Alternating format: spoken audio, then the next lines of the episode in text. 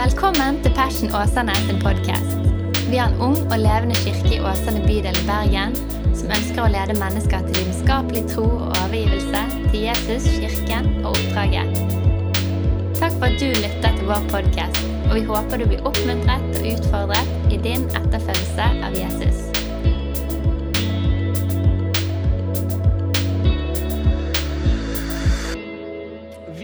Gudstjeneste søndag 3. januar. og Da var vi på Tertnes bedehus. og eh, vi var liksom sånn når vi planlagte, Skal vi ha liksom gudstjeneste 3. januar, for det er så tidlig? Men så tenkte vi vi kjører på. Fordi Vi har lyst til å feire Jesus og vi har lyst til å komme sammen. Vi alle kjenner, Jeg sa det til, til mine venner eh, Blindheim og de ute i gangen der, at jeg har ikke fysisk kontakt liksom veldig høyt oppe. Men når jeg begynner å kjenne at jeg har lyst til å, å ta på noen mennesker og klemme dem som ikke er min kone eller mine barn, det er et faresignal. Og jeg begynner å komme der etter jul. Jeg kjente det etter jul, så jeg kjente jeg trenger folk. liksom. Så det at Vi hadde gudstjeneste 3. januar fordi jeg trengte folk. Eh, og så stengte det ned mandag 4., så jeg er så glad for at vi gjorde det. Og så har vi gudstjeneste i dag. Og da, så jeg, da delte jeg et ord på den gudstjenesten som jeg opplevde var et ord for oss for det året vi gikk inn i her, som handlet om 'gjennom alt'. Eh, og eh, fortellingen om Lasarus. Og eh, Den store overskriften var at 'gjennom alt så er Gud med, og gjennom alt så er Gud god'. Og det å kunne få lov til å gå inn i dette året her med forventning, fremoverlent Vi vet ikke helt hvilke X-faktorer som ligger foran oss, men vi vet at Gud går med. Og vi vet at hvis ikke det er seier, så er det ikke slutten. Jeg får et forsiktig amen. Ok, vi må øve på den. Sånn er det. Men i dag skulle jo være pang, tjohei, 1, 2, 3, yatzy, oppstartsgudstjenesten for semesteret. Og eh, Visjonssøndag, og vi skulle fyre løs. Og vi gjør det, selv om eh, forutsetningene er litt annerledes. Vi skal dele et ord til oss som kirke, og som jeg tror er for òg oss som enkeltpersoner skal få lov til å være med og styrke oss. Er du med på det? Så bra. Takk for de gode nikkene der. Du, vi skal ta utgangspunkt i en eh, salme som er den første salmen. Og det, Hvem er det som liksom vet hva salme som kommer? da? Liksom, ja. Altså, denne salmen her er jo en fantastisk salme som handler om hvordan det å bygge og grunne på Guds lov eller Guds ord. Og Denne salmen har et litt spesielt forhold til. Hvorfor det? Jo, fordi min mor har sitert den i tide og utide når jeg har vokst opp. Og det gjør hun fortsatt. Daniel, jeg ber for deg at du skal bli som et tre ved bekker av strømmende vann som gir sin frukt. Ok, nå skal vi lese. Salig er den mann og kvinne som ikke vandrer etter ugudeliges råd, og som ikke står på synderes vei eller sitter på spotteres sete, men som har sin lyst i Herrens lov, og grunner på Hans lov dag og natt. Han skal være like et tre plantet ved strømmer av vann, som gir sin frukt i rett tid, og som har blader som ikke visner. Og alt han gjør, skal lykkes, og alt han og hun gjør, skal lykkes. Jeg har vokst opp med denne salmen her. Daniel, jeg ber for deg. Sikkert min søster kan bevitne det òg. Liksom, jeg ber om at du skal bli som et tre. Og jeg bare sier, Jesus gjør meg til et tre. Sånn? Så Denne salmen har et spesielt forhold til, men jeg tror at det er et ord til oss som kirke for det året som vi går inn i og nå. Jeg har valgt å kalle de ordene jeg skal dele med dere i dag, for fellesskapstreet. Og jeg har lyst til å be om tilgivelse, for det er det mest kornige prekentittel du har hørt i ditt liv. Men jeg klarte ikke å komme på noe som var mer beskrivende. Så det er et fellesskapstreet. Get a tattoo. Og så ber vi. Jesus, vi takker deg for disse øyeblikkene her, far. Og jeg takker deg for tiden i ditt nærvær som vi nettopp hadde. Hmm. Jesus, jeg ber om at du stiller våre hjerter og våre tanker til ro innenfor deg. Herre. Og Herre, du kjenner sesongen, du vet alt som skjer i våre liv og utover oss. Og Gud, vi ber Herre, jeg ber om at du taler ditt ord til vårt hjerte i dag. Som styrker oss, bygger oss som enkeltpersoner og som kirke. I Jesu navn. Amen. Amen. amen. Dette er litt grann family talk. Jeg og flere av oss her inne har vår bakgrunn fra Kristkirken i Bergen. Fantastisk takknemlig for den oppveksten der. Og Vi skal en søndag, og vi òg har jo det i persen. Vi har bønnebolken. Sant? Og Vi er litt mer sånn nær på, på, livet ofte. Vi er ikke liksom alltid vi går langt ut og ber for ulike ting. Men i Kristkirken hadde vi ca. en gang i måneden da var det Israels bønnedagen. Da. Jeg har vokst opp med kjærlighet til Israel, jeg har vokst opp med kjærlighet til det lovede land og til jødene. Og jeg, På videregående hadde jeg stort Israelsflagg over sengen min. da. Eh, og jeg husker Foreldrene til Mathias var i Israel, og så spurte jeg kan dere kjøpe et israelsk plagg til meg. sånn jeg kan få det. Og så tror jeg jeg fikk en sjåfar òg. Det er intenst. jeg vet det. Så jeg hadde det over sengen, og det var mest pga. at det var litt sånn der, eh, ikke politisk korrekt, og det liker jeg bare litt sånn i min natur. da, Å være litt opprørsk. Eh, men så jeg har liksom vokst opp med kjærlighet til Israel og, og, og, jødene. og Jeg tror veldig på det, og det er en skatt i Guds ord på dette området. her. Og Så var det Israelsbønnebolken den søndagen. Så kommer det to stykker fram, og fra første desibel de slipper løs over mikrofonen, så er det mye patos, det er mye nød, det er mye lidenskap. Og Så begynner jeg å merke etter hvert hvor er det dette her tar veien hen. Og Vi var en ungdomsrad som satt på den raden der, og vi begynner å forstå at dette her blir en litt annerledes bønnesøndag enn det pleier å være. Og Så fyrer de løs, og før du vet ordet av det, så har du fått et crash course i israelsk historie, kultur, kriger og topografi. Du har liksom fått en hel innføring, og hadde han tratt fram sjåfaren fra innerlommen og basun, basunert løst, så hadde det liksom vært toppen av kulturkrasjet for oss unge. Og jeg tror jeg tenkte, og flere av oss rundt oss bare tenkte hvor er det vi er på veien?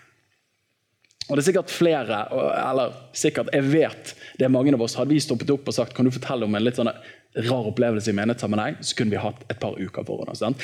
Vi alle har vært der, vi alle har opplevd tingene. Hva er greien her? Jo, mellom ulike personer og ulike generasjoner, gjennom språket vårt, gjennom kulturen vår, så møter vi ulikheter. Fordi vi er forskjellige. Ikke sant? Vi er ulike. Og Det møter vi så utrolig godt i menigheter. For det er ulike preferanser, det er ulike bakgrunner, det er ulike språk, det er ulike måter å formulere seg på. Når jeg har lovsang her, sant? jeg bare rett opp med hendene. Sant? Og Jeg lærte jo det når jeg gikk på bibelskole, at liksom smørjelsen er på første rad. fram bak til tredje. Sant? sant? jeg lærte jo det, så jeg tør jo ikke sitte meg lenger bak. Sant?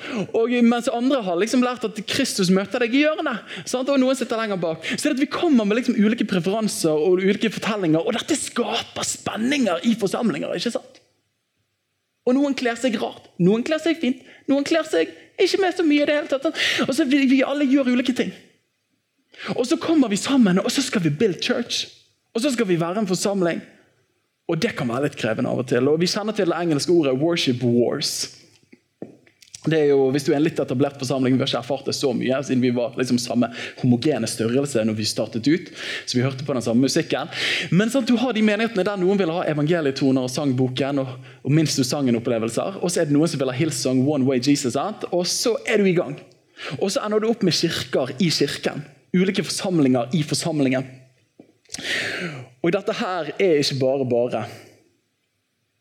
Og Noe av faren med det her tror jeg, er at når vi med ulike generasjoner ulike personer, ikke klarer å leve tett med hverandre, så kan vi oppleve noe som de som løper og som har løpt stafetten, og som jeg ikke har gjort for mye, er den kritiske fasen, batongoverleveringen. At Hvis ikke du er i nærkontakt, så mister du motivet og momentet til generasjonen som har gått foran for at du skal gjøre det nytt. Eller òg personer rundt deg som bærer noe litt annet enn deg, som ser litt annerledes enn deg, som har forstått noe som er litt annerledes enn deg. Pga. at du ikke er i nærkontakt med dem, så mister du det de har, og du ender opp med å bli fattigere. Og Vi ser det kanskje mer tydelig i Kristen-Norge på antall bedehus og forsamlinger som legges ned. Besteforeldregenerasjon, der var det moment, der var det oppslutning. Hei hvor det går, åresalg, basar. Vi husker de tidene. Og Så fikk de ikke med seg altfor mange av foreldregenerasjonen. Og så fikk de ikke med seg så veldig mange av barnegenerasjonen.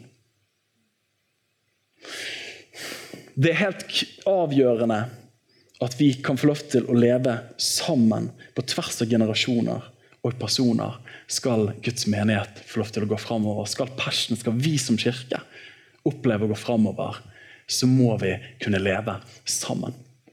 Og Forutsetningen for at noe skal vokse, er at det må vare. Ikke sant? Det er vanskelig at noe vokser hvis ikke det varer veldig lenge. Så spørsmålet og det som jeg har lyst til å touche på i dag, er hvordan kan vi på tvers av ulike generasjoner og ulike personer bygge forsamling, men òg bo sammen i menigheten, i forsamlingen, og gjøre etterfølgelsen av Jesus som et fellesskap. Hvordan kan vi gjøre det? Og Vi skal sparke av gårde ut ifra denne salmen her. Fellesskapstreet. Beklager, men fellesskapstreet.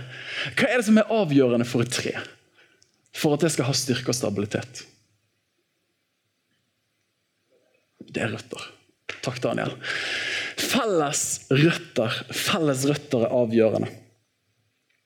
Et tre kan se fint ut, det kan ha store blader, det kan ha store greiner, det kan ha bare forholdsvis greit med frukt, men hvis det ikke har dype røtter, så blir det en kortvarig gøy opplevelse.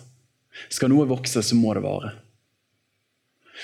Så felles røtter, Hvordan kan vi være et fellesskap på tvers av personer og generasjoner? Jo, vi trenger felles røtter. Og Salmisten sier det sånn som dette her, og det er som en rød tråd gjennom hele bibelboken. Ja, han har sin lyst i Herrens lov og grunner på hans lov dag og natt. Ja, Hvis vi skal være en kirke som har noen røtter som går dypt, og som gjør at vi kan være en menighet som ikke bare var et blaff i noen få år i en småbarnsfase der vi alle lekte med de samme Duplo-lekene Men hvis vi skal være en kirke for denne generasjonen og for neste generasjon, så trenger vi å ha røtter som går dypt. Og Ikke minst også for oss som enkeltpersoner. Vi trenger å ha røtter som går dypt. Ja, Vi trenger å grunne på Guds ord. Dette er de røttene. Å være i Guds ord Å plante seg i fortellingen som Bibelen løfter opp. I et litt mer nytestamentlig språk så sier Paulus det. I første Korinterne i det tredje kapittelet og ellevte verset så sier han for at ingen kan legge noe annen grunnvoll enn den som er lagt, nemlig Jesus Kristus. Ja, Kirken, det dypeste, hvis du borer ned og tar liksom Hvor dypt kan jeg komme i kirken? Hva er den dypeste virkeligheten, ultimate virkeligheten? Så er det Kristus Jesus. Det er Jesus som er kilden. Det er han som er bøen. Det er han som er A til Å. Det er han som er den første og den siste. Han som var og som er og som kommer. Han er det dypeste vi kommer til. Han sier det i Kolosserne Paulus at vi trenger å holde fast ved han som er hodet. Jesus. For ut ifra han får hele kroppen som er jo et ord for kirken, næring og blir knyttet sammen ved ledd og sener, og det vokser den vekst som er fra Gud. Så fundamentet for å kunne være et fellesskap der vi kobler med hverandre på tvers av generasjoner, men også personer, er først og fremst felles røtter. Og ikke felles røtter hvor som helst, men felles røtter rett inn til Jesus. Og Dette her er jo sånn, ja, men dette har vi hørt før. Liksom. Dette var det første jeg lærte. At Jesus elsker meg, og det handler om Jesus. og det vil alltid handle om Jesus. Dette var jo det jeg lærte på søndagsskolen. Dette var jo det mor og far lærte meg. Dette er basic stuff. Men er ikke det rart hvordan det som er mest elementært, ofte er det vi glemmer fortest? Og Paulus sier det i samme Korinterbrevet i første kapittel, 11. verset, og 11. kapittel og 3. verset. Så sier han at for jeg jeg, jeg frykter for at liksom slangen forførte Eva med sin list Det er mye bibelspråk hvis du ikke har vokst opp i det. Men sånn som djevel lurte Eva med sin sluhet, så er jeg redd for at tankene deres skal bli fordervet og drevet bort ifra den enkle og rene kjærligheten til Jesus. Et av mine favorittverksteder. der. Men du merker ikke det. Det som er med det å bli lurt, er jo at du ikke vet det. Ikke sant? Og Jeg tror dette er en utfordring for enhver menighet, for ethvert kristent fellesskap gjennom alle tider. At hvis ikke vi er det superbevisst på å ha de røttene, alltid orientere oss tilbake igjen til Guds lov, til Kristus, til livet i Gud sammen, så ender vi opp med at vi drifter av seg sjøl. Per Arne Dalen tidligere biskop eh, i Den norske kirke, han sa at, at nærhet må jobbes for. For avstand kommer av seg sjøl. Det er jo noen av oss som går på vekten over jul og forstår det at, eh, at helse må vi jobbe for. For fedme kommer av seg sjøl. Og Litt sånn er det med fortellingen om Jesus, sånn er det med det kristne fellesskapet. At enheten, varmen, røttene, livet, pulsen det kommer ikke bare av seg sjøl. Men intensjonelt må vi orientere oss tilbake til der det hører hjemme. Og Vi ender fort opp hvis ikke vi gjør det, at fokuset går fra sentrum til periferien. Fra midtpunktet til meninger. Fra relasjoner med hverandre til reaksjoner på hverandre. Og fra Kristus til kulturelle preferanser. Og Da ender vi opp med at vi kjemper om det sekundære Istedenfor å holde oss til det primære. Og Da blir det viktigere. ja, men Hvilken type sanger er det vi skal ha på søndag? Jeg syns desibel var altfor høy. Og så ender vi opp med at vi plukker på disse tingene, så får vi partier så får vi grupper. Jeg har lyst til å si at Det er et av de fremste sykdomstegnene på, på grunn av at da har vi glemt hva som er det samlende sentrum for Kirken. Og Hver gang vi kommer i et fellesskap der vi er mer opptatt av disse perifere og sekundære tingene, og vi danner fiendebilder av ulike folk og vi lager grupper og, og klikker, så er det på tide å stikke fingeren i jorden og si folkens, vi trenger å komme tilbake igjen. Vi trenger å komme tilbake igjen. Jeg må si at, at En av de gledene jeg har, er å kunne få lov til å reise rundt og snakke om Jesus. og Være sammen med unge mennesker særlig. Og nå, De siste 10-20 årene i Norge så har vi fått mange kule kirker. og jeg digger kule kirker. Vi prøver å være kule, og vi prøver å gå med trange klær. og Vi prøver å gjøre alle de tingene der. sant? Så Vi må henge med. og Vi er på Kulturhuset, og det er lyd og lys, og vi har ikke betalt for det. Det er stor stas! Sant? Eh, men en av de tingene som gjør meg litt bekymret, og som gjelder meg òg, det er at vi kan reise rundt og møte mange folk som er, er liksom sykt giret på å bygge kirke. Har du hørt det før? Liksom, vi skal bygge kirke. Det er det det går i. liksom, sant? Bygge kirke. Og så er de liksom supereksperter, har svart belte i planning center. Og kan liksom kjøre planen ned til det minste millisekundet. Og de vet liksom vekstprinsippene for hvordan du skal få en fet sosial gathering og, liksom kjenne den åndelige hellige ånd slash suggesjon. Hei, liksom, dette er great. Men i det bønnemøtet før møtet så tør ikke de å be en bønn høyt. Og så kan man få en feeling av at de elsker å snakke om spekket, men de liker ikke å snakke om, om Jesus så veldig mye. Forstår dere hva jeg mener? Og så er man superflink på å bygge kirke, men, men ikke så veldig godt kjent med Kirkens herre. Dette er en utfordring for denne generasjonen. Det er en utfordring til meg, til oss, til oss som kirke. Måtte vi være sentrumsorienterte.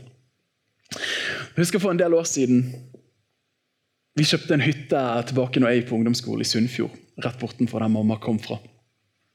Og, og, Den hytten var skilt ut fra en gård rett nedenunder. Og Hun som bodde på den gården, hun heter Ruth.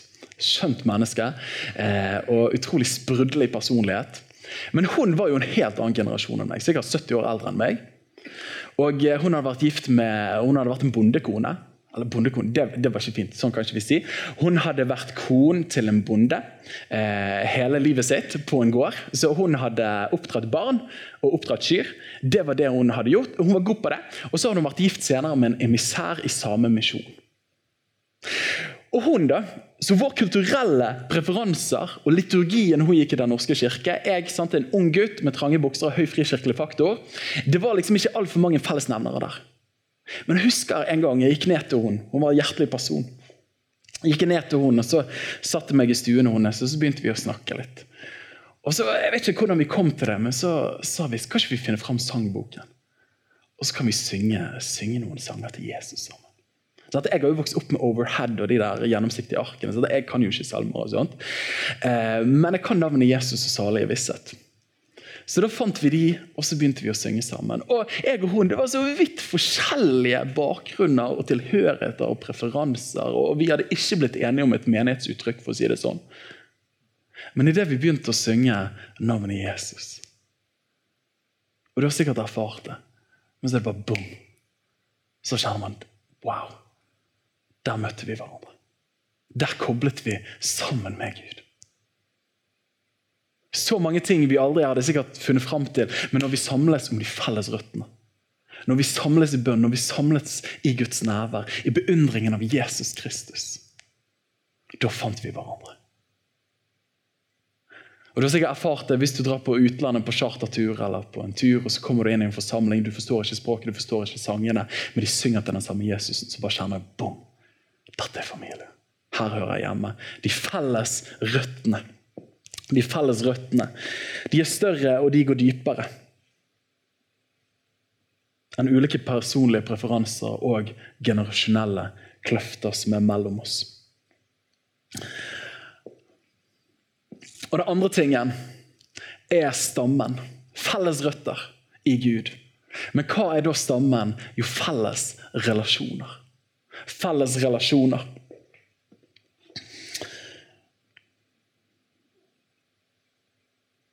Felles relasjoner på tvers av ulike personlighetstyper, men også på tvers av ulike generasjoner. De siste 100 årene særlig, så har jo kapitalismen tatt helt over i Vesten.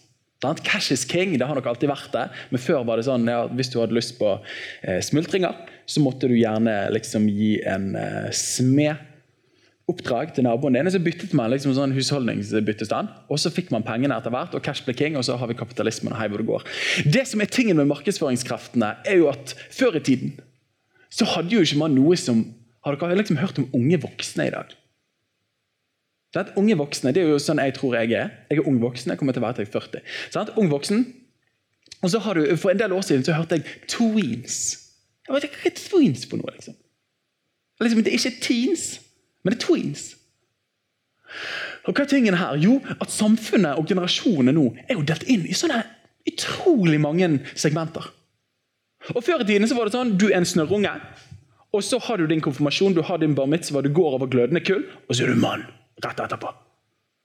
Mens nå så er du spedbarn, og så blir du et lite barn, og så er du et barn, og så er du tweens, og så er du teens, og så er du ungdom, og så er du i begynnelsen av 20-årene, så er du ung voksen, og så er du voksen, og så blir du litt mer moden voksen. Altså, du tar bildet. Hva er greia der? Det er så utrolig mange inndelinger, og hver og en av oss lever i vårt eget univers der de som ikke er i samme båt som oss, har veldig vanskelig å forstå hva vi hører på, hva vi holder på med, og syns vi er ganske rare. Og vi har heller ikke lyst ut av den boblen.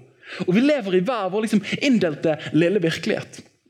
Og da er utfordringen for oss som forsamling og som etterfølger av Jesus å kunne få lov til å transcendere, stige over disse gruppene her og se at vi har mer til felles enn det som er forskjeller mellom oss.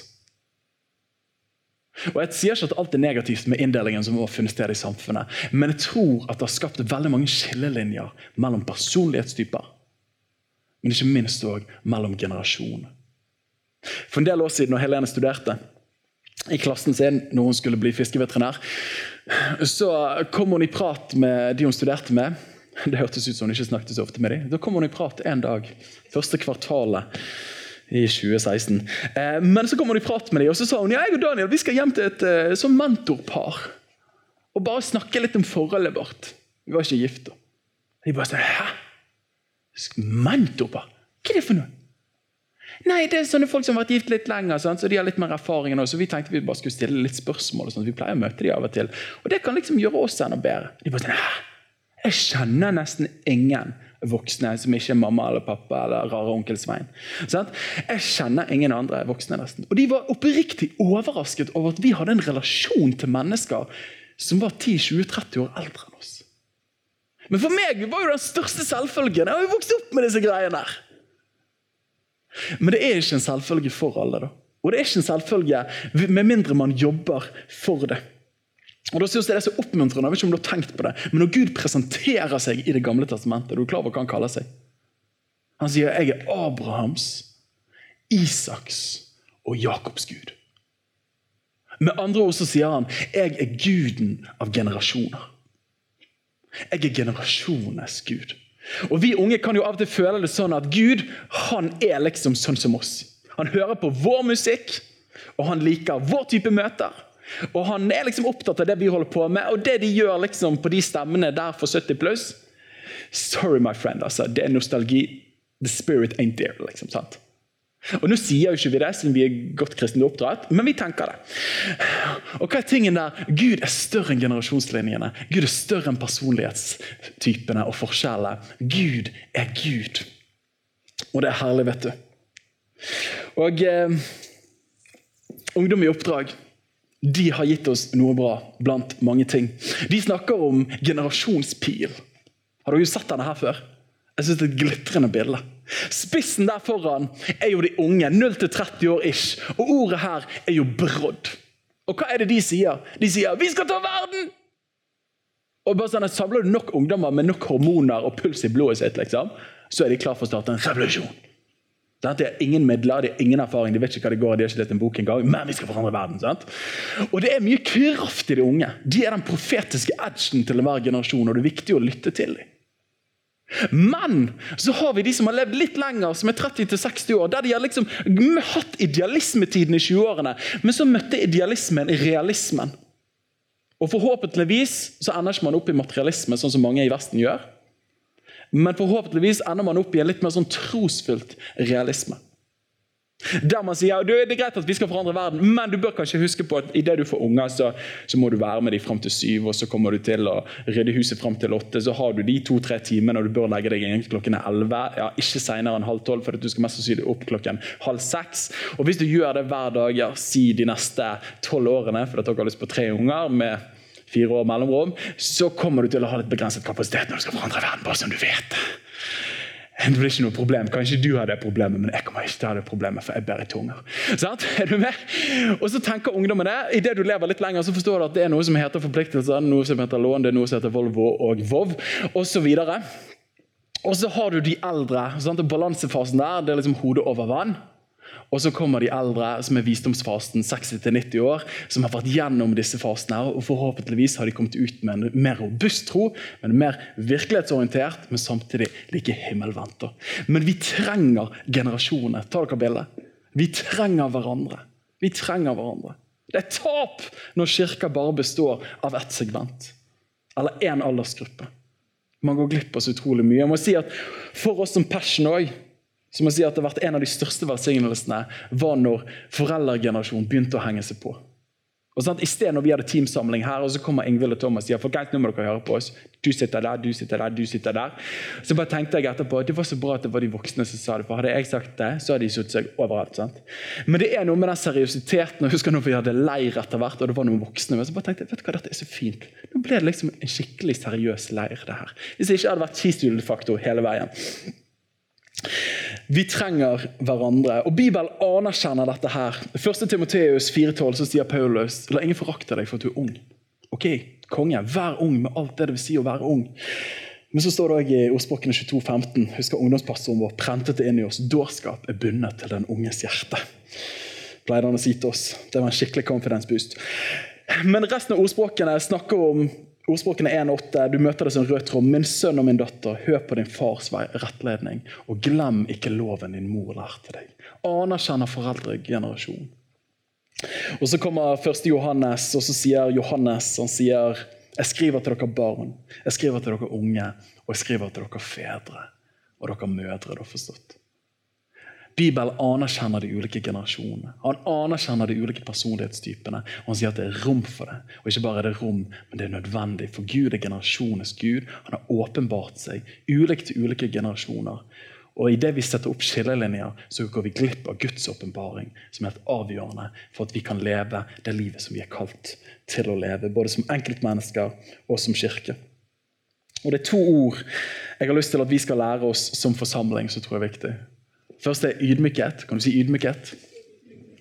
Som sier at uh, du har noe å lære meg.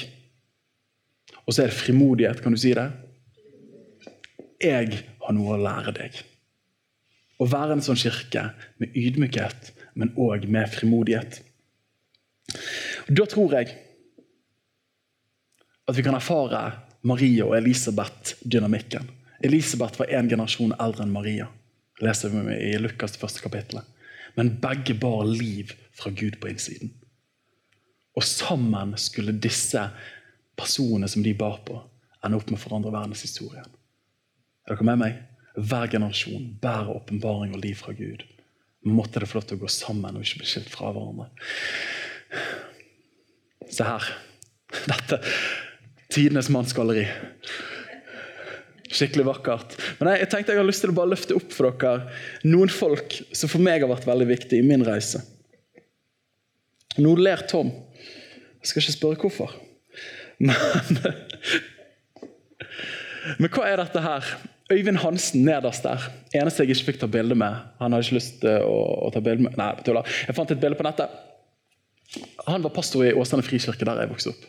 Og når jeg var 14 år gammel hadde møtt Jesus, så spurte han meg Daniel, vil du være med på prekentur. Jeg var prekentur. Skal vi ha privatfly? Eh, så han tok meg med på prekentur. Og jeg var den lille gutten som var med fordi jeg hadde sett mange syke bli friske. Jeg visste ikke hva vi holdt på med, men vi la hendene på de syke, og så ba vi i tunga, og så skjedde det ting. Jeg husker Han tok meg med til Hedmarkstoppen en gang, og så skulle vi be for syke. Vi ha Fire Tunnel. og Nå vet jeg dette er superkristent internt. jeg vet det er Charismania. Men så skulle vi ha Fire Tunnel, og de var ikke liksom vanlige Fire Tunnel. Eh, de var ikke helt rutinert, de gamle pinsevennene. Så de stoppet opp. da, og Øyvind var ikke så rutinert, så han ba jo for hver enkelt i evigheter. Han sto i seks timer og ba for mennesker. Altså, Jeg hadde knapt levd seks timer på det tidspunktet. Sant? Altså, Det var helt drøyt. Så Han var med å lære meg å be for syke. Han var med, han ga meg muligheter. Han, han var med å, å, gi meg en feeling av det som jeg, tro, jeg trodde Gud hadde kalt meg til i ung alder. Reidar Paulsen der oppe inviterte meg hjem til seg og stilte masse teologiske spørsmål. Han ga meg, han sa når han skulle bli kvitt biblioteket sitt og flytte i leilighet, så sa han Daniel, du må komme hjem til meg, så kan du ta uansett, ta alle bøkene hvis du vil. da. Fikk komme hjem til han og plukke bøkene.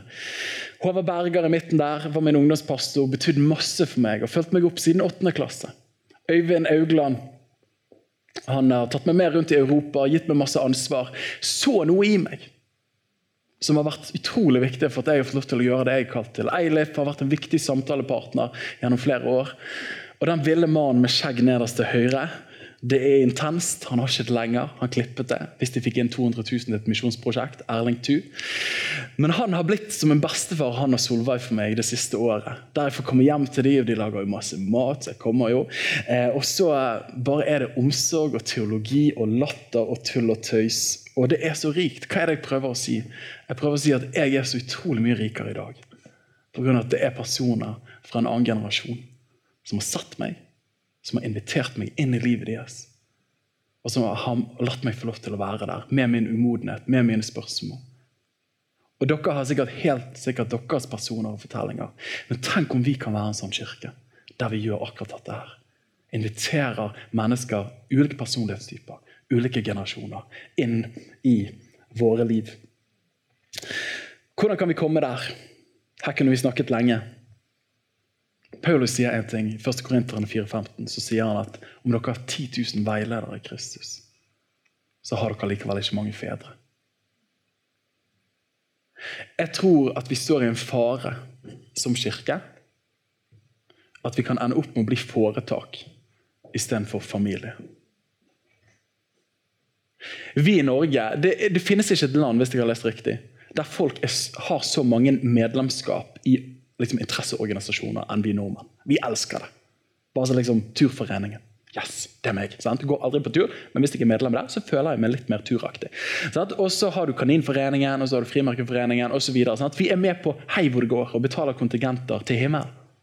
Vi elsker det. Og så er det lett for at man tar den samme mentaliteten over til kirke og sier at et interessefellesskap, det er kirken òg. Vi liker de samme sangene, vi liker det samme opplegget. Det er ikke det kirken er ment å være. Kirke er utrolig differensiert. Kirke er utrolig sammensatt. Dette er ikke stedet der man melder seg ut hvis jeg ikke liker sangene. Hvis jeg ikke liker helt Prekenserien for tiden, så finner jeg en annen kirke. Hvis vi kommer der, da har vi bommet. Det var ikke det Jesus hadde tenkt å bygge.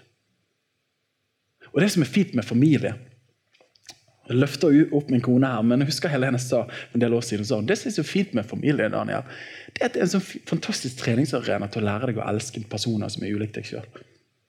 For Mest sannsynlig så hadde du ikke valgt de søsknene du hadde. Altså Ikke stygt ment, men du hadde mest sannsynlig ikke valgt dem. Eh, for at du hadde valgt folk som var mer lik deg. Men det er jo det som er så fint med familie. For det former oss til å være rundt mennesker som er annerledes enn oss. Og så forstår jo man det at jeg er veldig glad de ikke liker meg, for det gjør meg rikere. Og det er det kirke er ment å være. Family. Ikke en business, ikke en interesseorganisasjon der jeg melder meg ut når folk er litt annerledes enn meg. Tvert imot. Kan dere med. Bra. Og så den siste. Felles røtter, felles relasjoner, men ikke minst òg felles retning. Skal vi være en kirke som vokser og som varer, så tror jeg det er veldig viktig at vi ikke bare orienterer oss tilbake til røttene, men vi henter kraft i røttene, finner sammen med hverandre. Men så virker vi òg utover ved at vi bærer frukt i samme retning. Og Når vi bærer sånn som det er med et tre, så er ikke alle greiene som stikker akkurat på samme stedet, men det er ulike forgreininger i den samme retningen. Og Det synes jeg er så utrolig vakkert når vi plantet kirke her i Åsane. Jeg bare ser for meg, Skulle jeg ledet en voksenhuskirke, så hadde ikke det blitt like bra som hvis en voksenperson ledet en voksenhuskirke. Men jeg tror heller ikke det hadde blitt like bra hvis en voksenperson ledet en ungdomshuskirke. Vi tilfører hverandre mye. I Nehemia så står det da står det så vakkert når Nehemia drar tilbake til Jerusalem skal bygge opp murene. Og så står det at Av hjertet ville folket arbeide. Hvorfor det? De hadde en felles relasjon til Gud, de hadde en relasjon til hverandre, men så hadde de en felles visjon som de straks imot òg. Og så står det så vakkert, og det er mange prekener som har sitert det her, men i det tredje kapittelet så står det en lang oppremsing av folk. Så står det at da sto øverstepresten Elishib fram sammen med sine brødre. Og De bygde helt til metertårnet og hellighet og deretter helt til Hanelltårnet. Og hør på det her. Ved siden av ham bygde mennene fra Jeriko, og ved siden av dem bygde Sakur. Hva er moral her? Jo, moral her er at vi bygger i samme retning med det vi holder på med. Det kan ha ulike forgreininger. Det som ligger på Silje sitt hjerte, er litt annerledes enn det som ligger på mitt hjerte, og det som ligger på ditt hjerte. Men det er den samme retningen på det. Men det er ulike forgreininger vi bærer frukt i. Men vi bærer frukt i samme retning for Guds rike. Har du lyst til å ha kjapp vekst, så er heterogenitet svaret. Homogenitet, mener jeg. Det er et fint ord, men at det er helt likt. Men har du lyst til å ha varig frukt, så er heterogenitet, det å være ulike, svaret. Så hvordan kan vi være en kirke og enkeltpersoner på tvers av personlighetstyper og generasjonstyper som kan bygge og bo sammen? Jo, felles røtter, felles relasjoner og felles retning sammen. Hvis du Mathias, har lyst til å komme og klimpre litt Men så er det det faktum, sånn som det er i alle familier Det at uansett hvor glad du er i dine søsken, så er det òg de øyeblikkene der du bare kunne ønske at du ble født inn i en annen familie. Husker fortsatt Mamma spurte meg en gang da jeg var liten, så sa hun Daniel, hvem ville du valgt å bli din mamma hvis det ikke var meg? Det var fint hun la inn det forbeholdet hvis det ikke var meg. for da hadde jeg kanskje sagt noe annet. Men jeg visste veldig godt hvem det skulle være. For av og til ville vi bort. Av og til var reglene til mor og far du har erfart det, var kjipe. Og Sånn er det òg i forsamling. Av og til er sidemannen litt snål. Av og til er den personen i lovsang som synger falskt ved siden av deg, som alltid av en eller annen grunn alltid må sitte seg i nærheten av deg, som ødelegger hele lovsangsopplevelsen for deg. og du synes det er kjempekjipt å gå til sjelesorg. Altså, av og til bare får du nok. Og da, på de øyeblikkene der vi alle kommer der Og det å plante kirke og leve community, og nå kommer småbarnet er det vel, det er vel syv unger som kommer de første syv månedene. Noe i den duren der. Det, det er heftige greier, liksom. Og vi kommer til å få prøvd oss. Og vi skal ha idealet om felles røtter, felles relasjoner og felles retning. Jeg tror veldig på det. Jeg tror det er et bibelsk prinsipp. Men så trenger vi å orientere oss tilbake til evangeliet gang på gang på gang. For det er bare i evangeliet finnes kraften til å kunne leve et virkelig bygge og bo sammen som fellesskap på tvers av generasjoner og relasjoner. Paulus skriver til galaterne. Og Galatermenigheten hadde blitt plantet, det var god bostad til å begynne med. Og så begynner de å drifte litt bort ifra den enkle fortellingen om Jesus. Og Så vil de tilbake til loven, vil tilbake til å omskjære seg og hei hvor det går. Og Så kommer Paulus og så sier han i, i det femte, i tredje kapittelet og 28. verset og sier han, folkens, dere må ikke glemme at i den levende Guds menighet så er det verken jøde eller greker. Ja, men Betyr det at min særegenhet, min distinksjon, det som markerer meg bort fra alle andre, er det borte når jeg blir en del av en kristen forsamling? Er det en uniformering? Nei, på ingen måte. Du er fortsatt den du er, men det finnes en høyere identitet. Det finnes en annen identitet som blir din hovedidentitet. Du er verken jøde eller greker. Det er verken trell eller fri. Ja, om du er toppleder, eller om du opplever at du naver, så er det ikke det som er hoveddistinksjonen. Det er ikke det som er hovedmarkøren for den du er, og der du henter din frimodighet fra. Ja, her er det verken mann eller kvinne. Ja, De spenninger som måtte være mellom kjønnene i samfunnet, mellom ulike etnisiteter, det er ikke det som er hovedidentiteten når du blir en del av et kristent fellesskap. Jeg har lyst til å foreslå at jeg tror ofte spenningene i menigheten kommer av at vi henter vår identitet, sånn som så mange andre der ute gjør, fra disse ulike identitetsmarkørene.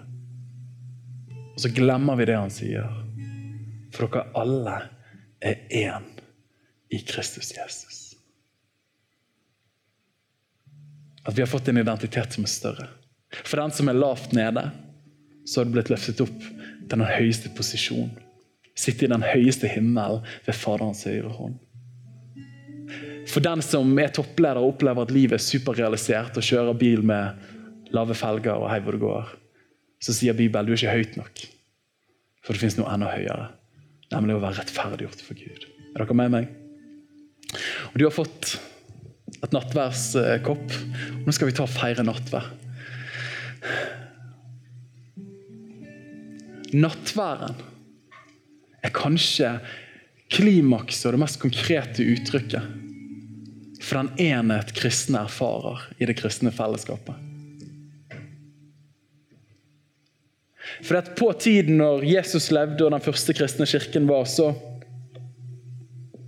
så spiste du bare med folk som var samme sosiale klasse som deg. Men så kommer den kristne fortellingen og det kristne fellesskapet. Så sitter du med en vellykket fariseer, og så sitter tiggeren rundt det samme nattverdsbordet. Det var uhørt i samtiden.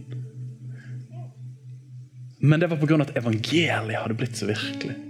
At de menneskelige identitetene var ikke det som lenger definerte deg.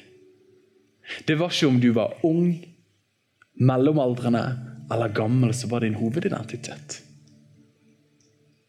Ja, Det var ikke hvilken personlighetstype, om du var en DI eller S eller en K, som definerte deg. Men det som definerte deg, var at du var i Jesus. Er dere med meg, venner, hvor det går hen? Dette er det vi bygger passion på. Dette er nerven vår. At vår hovedidentitet er Jesus. Han er våre felles røtter. Det er der vi bygger våre felles relasjoner ut ifra. Og det er der vi finner vår felles retning i oppdraget til å bygge og bo sammen. Og kraften er alltid evangeliet. At vi er i Han. Så la oss feire nattverd. Vi leser i 1. Korinterne det 11. kapittelet at i den natt han ble forrådt, tok han et brød takket, brøt og sa, ta et, for dette er mitt legeme.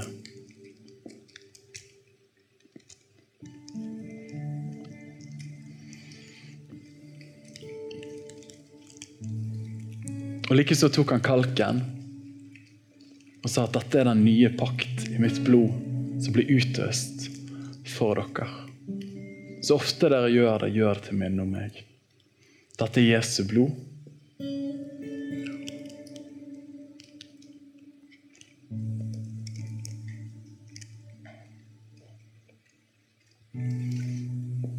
Ja, Jesus.